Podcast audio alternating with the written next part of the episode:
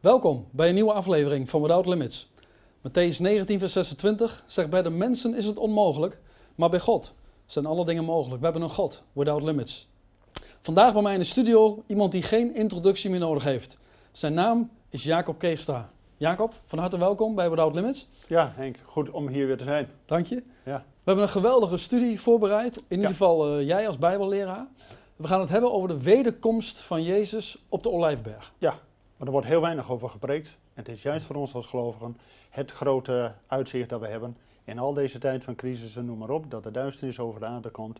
Maar voor de gelovigen is het juist onze visie, onze hoop, onze verwachting dat Jezus spoedig weer komt. Ja. Nou, en daar hebben we zeker drie afleveringen voor nodig om Ja. iets over te zeggen. Ja, Ja, ja, want je zei ook in de voorbereiding, hè, we hadden wel tien afleveringen kunnen Oh ja. opnemen. zeker weten. Maar eh, we, we beperken het even tot drie. Ja. Eh, we hebben aflevering 1, dan eh, komt Jezus als rechter, zeg maar. Ja. En dan Ja. aflevering 2. Eh, over Jezus als verlosser en wetgever van de regels van het koninkrijk. En de derde keer Jezus als de koning met een toegiftje dat hij ook de bruidegom zal zijn. Amen. En dat staat allemaal in één tekst in de Bijbel. Zullen we die tekst eerst lezen? Ja, dat is goed. Jesaja 33, vers 22. Want ja, we willen graag de Bijbelstudie ook eh, in deze drie rondes, ook vanuit Gods woord eh, gefundeerd eh, beginnen. Ja, zeker. En deze drie onderdelen staan heel duidelijk in één tekst beschreven. Jesaja 33, vers 22. Zal ik dat lezen? Ja, graag. Daar staat, want de Heere onze rechter, de Heere onze wetgever, de Heere onze koning, hij zal ons verlossen. Ja, Amen. geweldige tekst. Ja, Prachtig. in één tekst zoveel onderdelen waar Jezus zowel de rechter wordt genoemd, de wetgever van de regels van het koninkrijk, de koning en de basis is, hij zal ons verlossen. Ja, Hij is al de verlosser. ja, Maar dan zullen we uiteindelijk de verlossing zelfs van ons lichaam hebben. Ja. En eh, ja, het uitzicht dat hij de rechter is, de wetgever en de koning. Nou, daar moeten we het natuurlijk over hebben. geweldig. Ja, alleen er wordt maar heel weinig over gepreekt. Ja, waarom is dat eigenlijk? Nou, ja, dat is een, dat is een interessante vraag. Waarom eigenlijk? Want eigenlijk in de, bij de eerste gemeentes, dus direct vanaf Jezus en eh, met de apostelen, met de eerste gemeentes, en ook de zeven gemeentes in Klein-Azië, waar Paulus eh, met al die rondzendbrieven eh was en naar schreef, daar was in hun alfa-cursus van de eerste gemeente, ging het allemaal om Maranatha, kom spoedig. En we verwachten ook de Jezus, dat Jezus spoedig weer zou komen. Ja. En ehm, dat is eigenlijk de eerste eeuwen steeds zo geweest. Maar kwam dat ook omdat eigenlijk 1 Thessalonicenzen is eigenlijk het eerste boek toch wat geschreven is van het Nieuwe Testament? Ehm, de- de- ja, dat kan zijn, maar op zich, alle eh, zendbrieven van Paulus hebben uiteindelijk als slotconclusie dat we Jezus spoedig weer verwachten. Ja. Dat eh, onder de eerste drie eeuwen van de eerste christenheid was er steeds een levendige verwachting dat Jezus spoedig weer komt. Alleen pas met Augustinus, toen de kerk al redelijk gezetteld was, toen zei Augustinus, de kerkvader, van nee, het duizendjarige rijk, dat is nu al. De kerk is al het toekomende vrederijk. En dus ging de verwachting dat Jezus weer moet komen om daarna het koninkrijk van God te, eh, te settelen, te herstellen, ja, die gedachte ging helemaal weg. Hm. En dus hebben we weer een nieuwe opwekking nodig om te weten dat Jezus spoedig weer komt. Maar je kent ongetwijfeld die gelijkenis die Jezus ook zegt over ehm, de vijf wijze maagden en de vijf dwazen. Ja. En op een gegeven moment dan denk je wel eens van, nou ja, het gaat over die vijf goeie en die andere vijf, ja, ja. Maar uiteindelijk, alle tien slapen in. In wezen, de kerk, ze, we slapen allemaal in dat we de bruidegom, de wake-up call, niet doorhebben. En ik denk dat de uitzending voor vanavond ehm, juist ertoe mogen bijdragen, dat is ook mijn gebed, dat door de uitzendingen, dat we als christenheid weer alert zijn, dat we weer wakker geschud worden, dat, we, dat het woord van God niet alleen een lamp voor ons voet is, dat we dagelijks weten wat we moeten doen, maar ook een licht op ons pad. Want het licht, Jezus Christus, is komende. En dat we dus die visie vast blijven houden. En dus ik denk dat het heel goed is om weer ja, die wake-up call te doen naar de christenheid. Van dat Jezus spoedig weer komt. Want hij moet weer komen voordat hij het koninkrijk van God zal herstellen. Want in de christenheid, we denken wel eens dat kruis en opstanding het centrum is. Dat klopt. Maar dat is niet het einddoel. Nee, dat klopt. Jezus, die kwam en die sprak 3,5 jaar lang over het koninkrijk van God. Ja. Is nabij. Bekeert u, want het koninkrijk Gods is nabij. En hij moest wel eerst aan het kruis in de opstanding als centraal element om ons weer bij God te brengen, zodat de relatie tot God hersteld kan worden. Maar het einddoel blijft nog steeds Koninkrijk van God.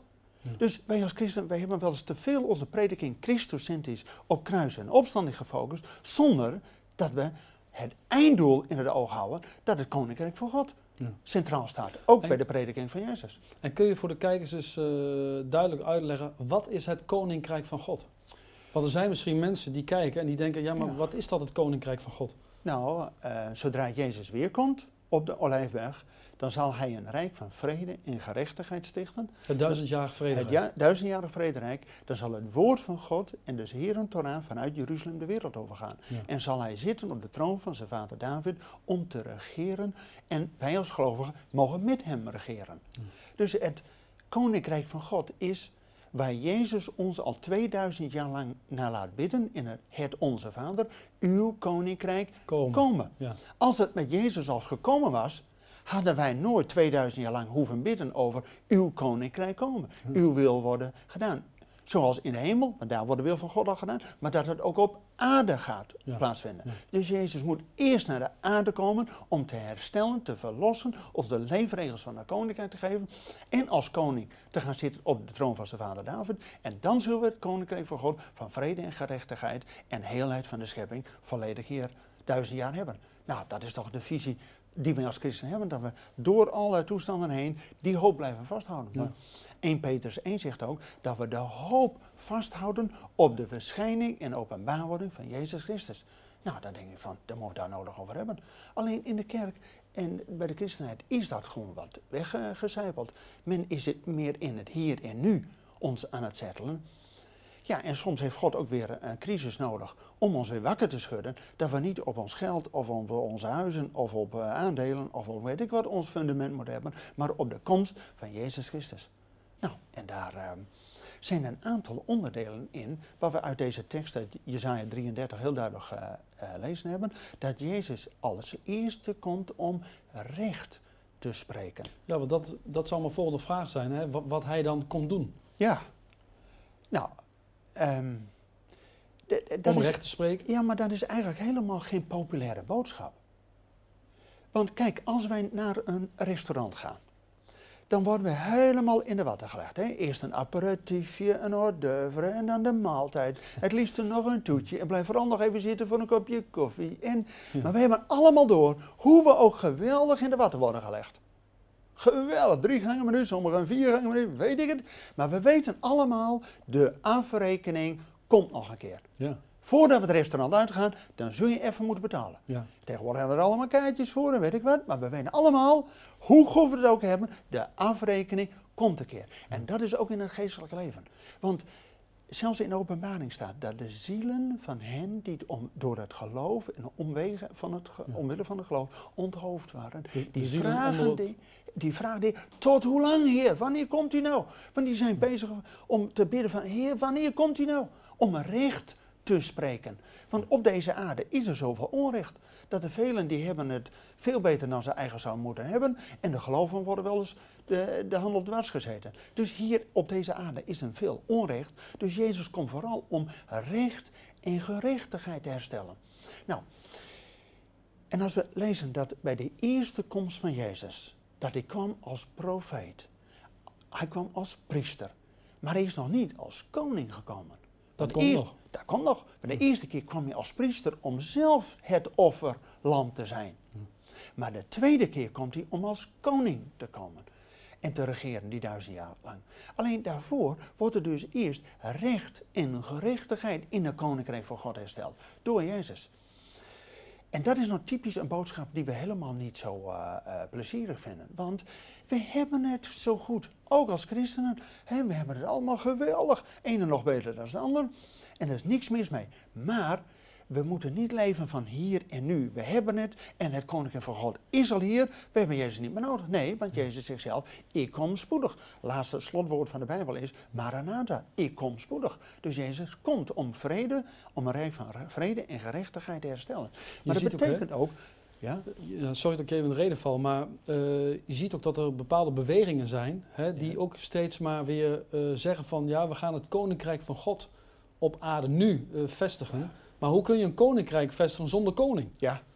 Ja, je mag wel het koninkrijk voorbereiden. Ja. En juist vanuit ons hart moeten we eraan werken dat het, de, de weg gepleit feit wordt dat Jezus spoedig kan weerkomen. Ja. Maar wij kunnen pas vrede en gerechtigheid krijgen wanneer de koning van Shalom Ja. hier is. Inderdaad. Maar dat betekent dat hij natuurlijk ook opruiming houdt. Dat hij eerst recht gaat spreken. Daarom komt hij als rechter. En het gekke is dat. Want tegenwoordig is het ook zo populair om zeg maar vriendschapsevangelisatie te hebben. Hè? Van, nou, maar dat kom ik in de Bijbel niet tegen. Als Paulus naar Europa gaat. En naar de eerste preek op de Areopagus, in het bolwerk van de Griekse cultuur, daarop, eh, daar in Athene. Dan heeft hij het over, God heeft iemand aangewezen om de wereld te oordelen. En hij heeft het bewijs geleverd door hem uit de dood op te wekken. Zodoende is Jezus gerechtigd om als rechter op te treden. Alleen ja, leven uit de dood, nou, daar konden ze niks mee. Dus ach, het zal wel. Maar Paulus heeft dus duidelijk geen vriendschapsevangelisatie. Hij geeft een duidelijke boodschap. God heeft een dag bepaald waarop hij de, eer, de wereld zal oordelen, zal beoordelen. Een radicale boodschap. Radicale boodschap. En ook Petrus. Als hij naar Cornelius, de eerste Romeinse hoofdman die tot geloof komt. Nou, Paulus, eh, sorry, Petrus had helemaal geen vriendschappelijke boodschap. Hij zegt heel duidelijk, God gaat deze wereld oordelen. Dus kom tot berouw, inzicht en laat u afwassen van al die onreinheid. Zodat je dus gereinigd en gerechtvaardigd wordt door de geloof. En de rechter van gerechtigheid ook recht in de ogen ka- kijken. Vandaar dat Jezus als rechter ook niet als oordeelfiguur voor ons komt. Want het oordeel zijn wij voorbij. Omdat we door het geloof niet onder dat oordeel vallen, Ja. maar in de gerechtigheid mogen delen. Ja. Alleen de, de wereld ligt nog in het oordeel. Daarom is er in de wereld ook geen hoop. Want ja, die ligt al gewoon in de duisternis, in verlorenheid. Het is echt een. Ja, je zou zo graag willen dat mensen die deze boodschap horen en nog niks van Jezus weten, dat ze door de boodschap geraakt worden, net als de mensen op de Areopagus, net als een Cornelius door de toespraak van Petrus. En ook in eh, 2 Korinthe 5 staat, eenmaal zullen we allemaal voor de rechterstoel van Christus openbaar moeten worden. Ja. Alles wat we in ons leven hebben gedaan, en we gaan zoveel onder het kleed schuiven en allemaal met een mooi eh, eh, jasje bedekken, maar voor God liggen al onze werken openbaar. Hij heeft het allemaal in zijn boekenrol geschreven. Dus het wordt gewoon voorgelezen op de dag dat Jezus eh, als rechter komt. En Dus- als je, eh, als je zeg maar Jezus niet kent, hè, misschien zijn er mensen op dit moment die Jezus niet kennen. Eh, ja, voor die mensen geldt eigenlijk, hè, als ze Jezus aannemen als hun persoonlijke verlosser, als ze ook geloven dat Hij voor hun ook aan het kruis is gestorven, Ja. en als ze hun zonde beleiden, hè, dan zijn ze behouden. En dan komen ze straks ook voor de rechter, maar dan zegt hij niet schuldig. Nee. En dan mogen we naar de hemel. Want Jezus zal voor ons pleiten bij de Vader dat God ons via Jezus aanziet. Ja. Nou, dan bedekt dus altijd het bloed van Jezus al onze zonden. Nou, Ja. en daardoor zijn wij schoon door het bloed van het lam. Ja. En dat is voor iedereen. Ja, amen. Voor ieder die gelooft dat. Jezus. En daarom is natuurlijk ook Christus in te spreken nog steeds het centrale punt van kruis en opstanding. Dat blijft. Maar dat is niet het einddoel. Het einddoel is de komst van het koninkrijk. En dat heeft natuurlijk allemaal met de wederkomst van Jezus te maken, die als koning komt. En voordat hij als koning glorieert op de troon van zijn vader David, komt hij eerst om recht te spreken. Tuurlijk, Ja. dat zal in dezelfde gebeurtenis zijn. Hij zal recht spreken, de schapen van de bokken gescheiden worden. Dus oordeel is dus voor degene die verloren gaan. Ja. Maar voor degene die behouden wordt, is het eindelijk het amenwoord. Ja. Hier zouden we al op te wachten. Ja. Ja, dat bedoel. Want wij mogen met hem regeren. Ja. Maar dan moet hij eerst het oordeel uitspreken van goed gedaan. Ja. Gij goede en betrouwbare knecht. Ja. Over weinig zijt gij getrouw geweest, over veel zal ik u stellen. Ga in tot het feest van de Heer. Dus ja, we moeten uiteindelijk over het feest van de, het, de bruiloft van het lam hebben. De maaltijd des Heren, op de berg des Heren. Maar dat gaan we in de derde aflevering. Ja, dat komt allemaal. maar ja, natuurlijk. Deze ronde, dat, over het oordeel, daar wordt niet veel over ge- gesproken. Ja. Want tegenwoordig, ja, als je daarover spreekt, nee broeder, je moet het niet zo moeilijk maken. En je moet mensen geen angst aanspreken. Ja, want dat is het, hè, dat mensen daar vaak angst voor hebben. Weet je dat de allergrootste opwekkingspredikers uit de 18e en 19e eeuw, gebroeders Wesley en ehm, eh, Jonathan Edward, die hadden een methode. Die spraken eerst heel duidelijk over de tien geboden. Gij zult niet doodslaan, gij zult niet echt breken, gij zult niet stelen. Nou, als je die allemaal verteld hebt, dan heb je iedereen wel een keer geraakt. Hè? Ja. We hebben allemaal wel eens iets gedaan, ik bedoel wij in Kluis. En een week later kwamen ze om te spreken over de genade door het bloed van het lam. Ja. Dus ze hadden een methode Ja. om eerst door het oordeel duidelijk te maken dat we onszelf niet kunnen verlossen als een baron van Münchhausen onszelf uit het moeras te- halen. Nee, we hebben die verlosser van de andere kant, van Gods kant nodig. Die ons verlost om ons op de grond, om, ja, op de rots, Jezus Christus, te zeggen. Ja, eh, gewoon geweldig. Ja. Alleen betekent dat toch de eerste ronde, waar we het in deze serie hebben, Jezus komt eerst om recht te spreken. Daarom wordt hij ook de richter, de rechter. Ja. Al in de Bijbel, voordat koning David koning wordt, had je eerst de richters. Die kwamen ook om recht te spreken. En ook eh, Mozes, die kwam om recht te spreken. Want anders doet iedereen maar wat goed is in zijn eigen ogen. Maar God heeft zijn geboden gegeven, zijn leefregels voor de koning. Waarom? Om te weten wat goed is en wat kwaad. Ja. Alleen tegenwoordig wil men dat kwaad niet meer horen. Van, ah nee, dat is minder goed. Ze willen alles bedekken onder de liefde en onder de genade. Ja, ja, maar Jezus kwam niet met een liefdevolle boodschap, maar hij kwam met een radicale boodschap. Die uiteindelijk liefdevol is, maar wel van waarheid. Ja. Als we alles bedekken onder de liefde, dan wordt er geen gerechtigheid en geen waarheid gedaan. Daarom, als Jezus komt, wordt eerst alles openbaar. Wordt alles in het licht gesteld. Ja. Betekent dat wij als christen ook het woord van God als een lamp voor onze voet, dat we dagelijks weten wat we moeten doen, maar ook een licht op ons pad, waar we weten dat één keer alles in het volle licht wordt eh, openbaar geworden. Nou ja, en dat betekent dat alles wat we heimelijk maar wat gedaan hebben, een beetje achter de ellebogen, allemaal een beetje dit, dan wordt het openbaar. Dat betekent dat we, de rechtvaardige zal ter nauwe nood gered worden, zegt de Bijbel. Ja. En ook als je eenmaal tot geloof bent gekomen, wil niet zeggen dat je er dan zomaar bent. Want Paulus zegt, werk uw behoudenis uit met vrees en beven. Met andere Ja. woorden, het is zeker dat we behouden zijn, maar het is niet zo dat we op onze lauweren rusten. Het is iedere dag weer afsterven aan onszelf, het kruis van Jezus op ons nemen, achter hem aan en in het licht wandelen. Dat we niet Ja. links of rechts gaan, maar de weg die hij ons uitstippelt. Ons kruis opnemen, hè, zegt Ja. de Bijbel. Ja. Ja. Ja. Ja, dus ehm betekent dat we als christen in wezen waakzaam moeten zijn. Hoe we moeten leven, want dat hij als rechter komt en dat dat spoedig voor de deur. Ja, wanneer precies? Eén ding is duidelijk, Jezus komt weer op de Olijfberg. Ja.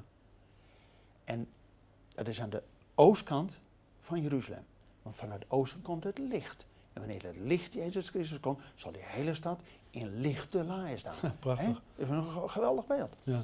En want de, het oosten is ook het, de Oriënt. Alle kaarten waren vroeger naar het oosten geleerd, waar je op oriënteert. En wij hebben dus ook ons oriëntatiepunt op de komst van Jezus Christus, die weer zal komen op de Olijfberg. En hij zal zitten op de troon van zijn vader David. De, eh, het woord van God zal vanuit Jeruzalem de wereld overgaan. Nou, en dat betekent ook dat er nog heel veel evangelisten de laatste ronde ingaan om ook de allerlaatsten tot geloof te brengen. En dat dan de oogst ja, eh, rijp zal zijn van het koninkrijk van, van God. Want God wordt natuurlijk ook gezien als de, de, de heer van de oogst, van de landman. En Jezus als de goede herder die ons leidt. Dus het heeft alles met oogsten te maken. En de hele wereld wacht op het openbaar worden van de zonen Gods. Maar wij moeten nu al het licht van God uitstralen naar deze wereld. Zodat de rest ook met ons uitziet naar die grote dag dat Jezus weer komt. Nou, betekent, het evangelie is al bijna de wereld rond. Vanuit Jeruzalem is het over Klein-Azië gegaan. We hadden het al over Paulus die de- op de Areopagus als eerste in Europa ging Hm. evangeliseren. Vanaf Columbus is het dan naar Amerika gegaan.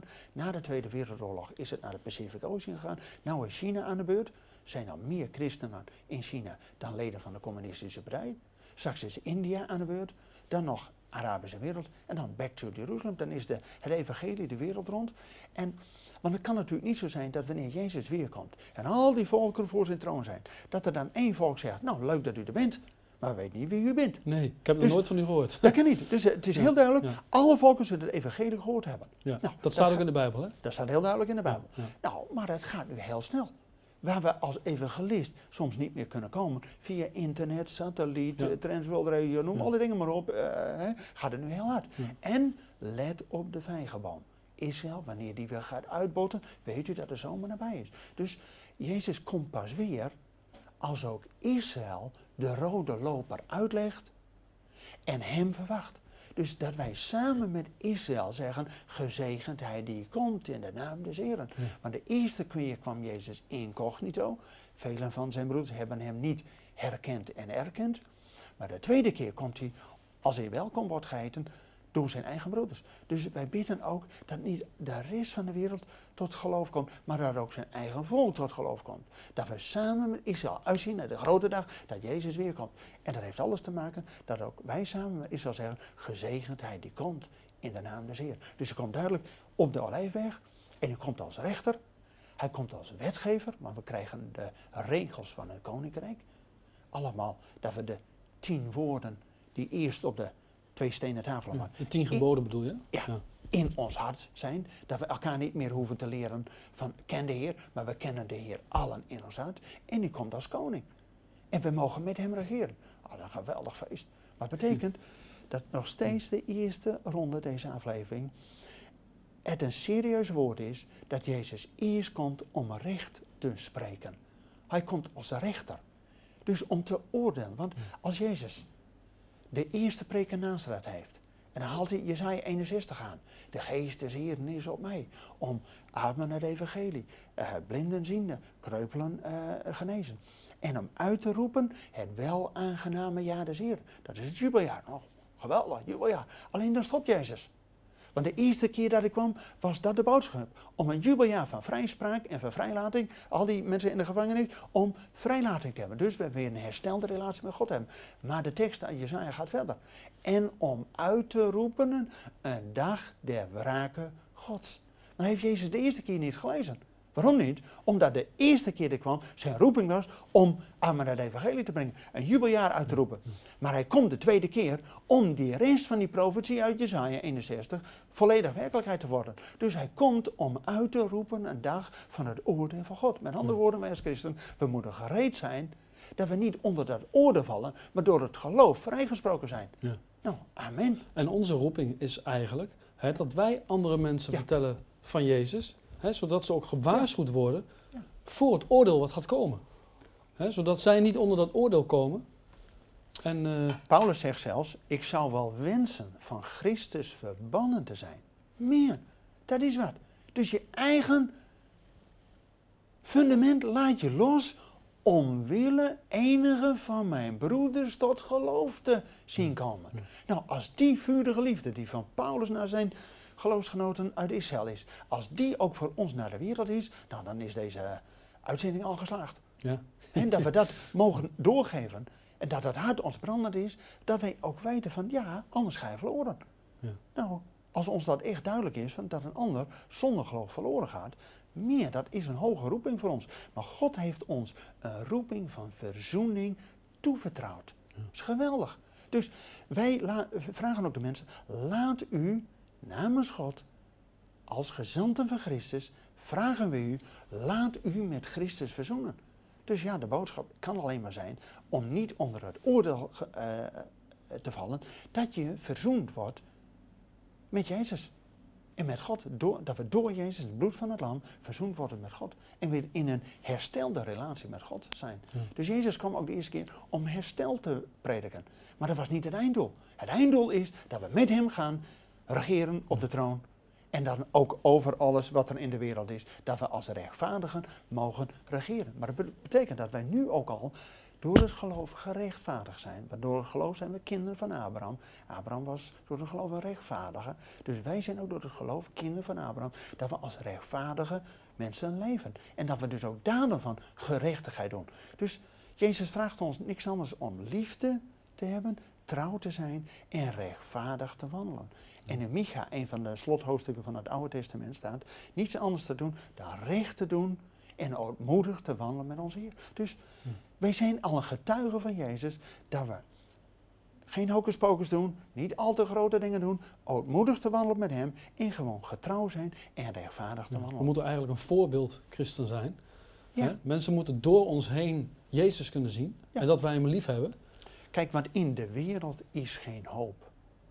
Nu door al die crisissen, economische, maar ook door aardbeving. En we zullen straks nog veel meer crisissen krijgen. Ja. Want vlak de- voor, voor die eindtijd zal het nog steeds meer roebelie in de wereld worden. Daarom moeten we ons fundament ook niet op onze zekerheden in nou, ons huis, onze bankrekening, onze aandelen en weet ik wat hebben. Ja. God wil ons daarvan los hebben, dat we ons fundament in het geloof hebben. Want het geloof is de zekerheid van dingen die we hopen en een bewijs van de dingen die we nog niet Ja, zien. Maar door het geloof weten we het zeker. Is een zekerheid. Dat dus is dat het. is ons fundament. Maar dat betekent dat we dus als rechtvaardigen het licht in deze wereld van gerechtigheid mogen ontsteken. In deze wereld waar zoveel onrecht is. Dat we wel rechtvaardig wandelen. Dus ook de mensen recht doen. Hm. En het licht van Gods geest laten schijnen. Nou, dat betekent dat nog meer mensen aangehaakt worden. Want hoe kwamen mensen tot geloven in de eerste gemeente? Ziet hoe lief zij elkander hebben. Maar als wij in de gemeente elkander eh, eh, maar een beetje met een elleboog hebben eh, rollen, ja, ik bedoel, dan hebben wij niet de eenheid, stralen we niks uit. Ja. En dan denkt de buiten, nou, bij de christenen is het ook niet. Ja. Dus wij moeten door die onderlinge samenkomsten een voorbeeld zijn van die vrede en gerechtigheid, die natuurlijk helemaal zal komen wanneer Jezus weer komt. Maar als we in de gemeente als een broedplaats van het koninkrijk dat al laten uitstralen, nou dan is iedere samenkomst al gezegend. Ja. Ja. Amen. Amen. Amen. Jacob, we hebben nog anderhalve minuut.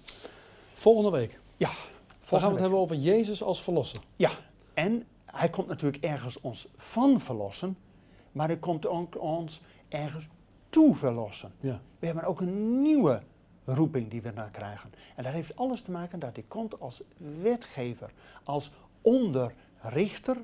Want wetgeving, Torah, betekent de leefregels van een koninkrijk. Dat we natuurlijk de geboden van Jezus doen. En die zijn niet zwaar, want het heeft alles te maken met hebt elkander lief en hebt God lief boven alles. Ja. Dat zijn de centrale boodschappen. Maar daarin is het ook vrede en gerechtigheid een onderdeel. Want als je wel lief hebt, maar je doet de waarheid niet, dan zijn we nog geen kinderen van God. Dus het heeft alles met elkaar Ja. te maken. Daar gaan we volgende keer over hebben. Nou,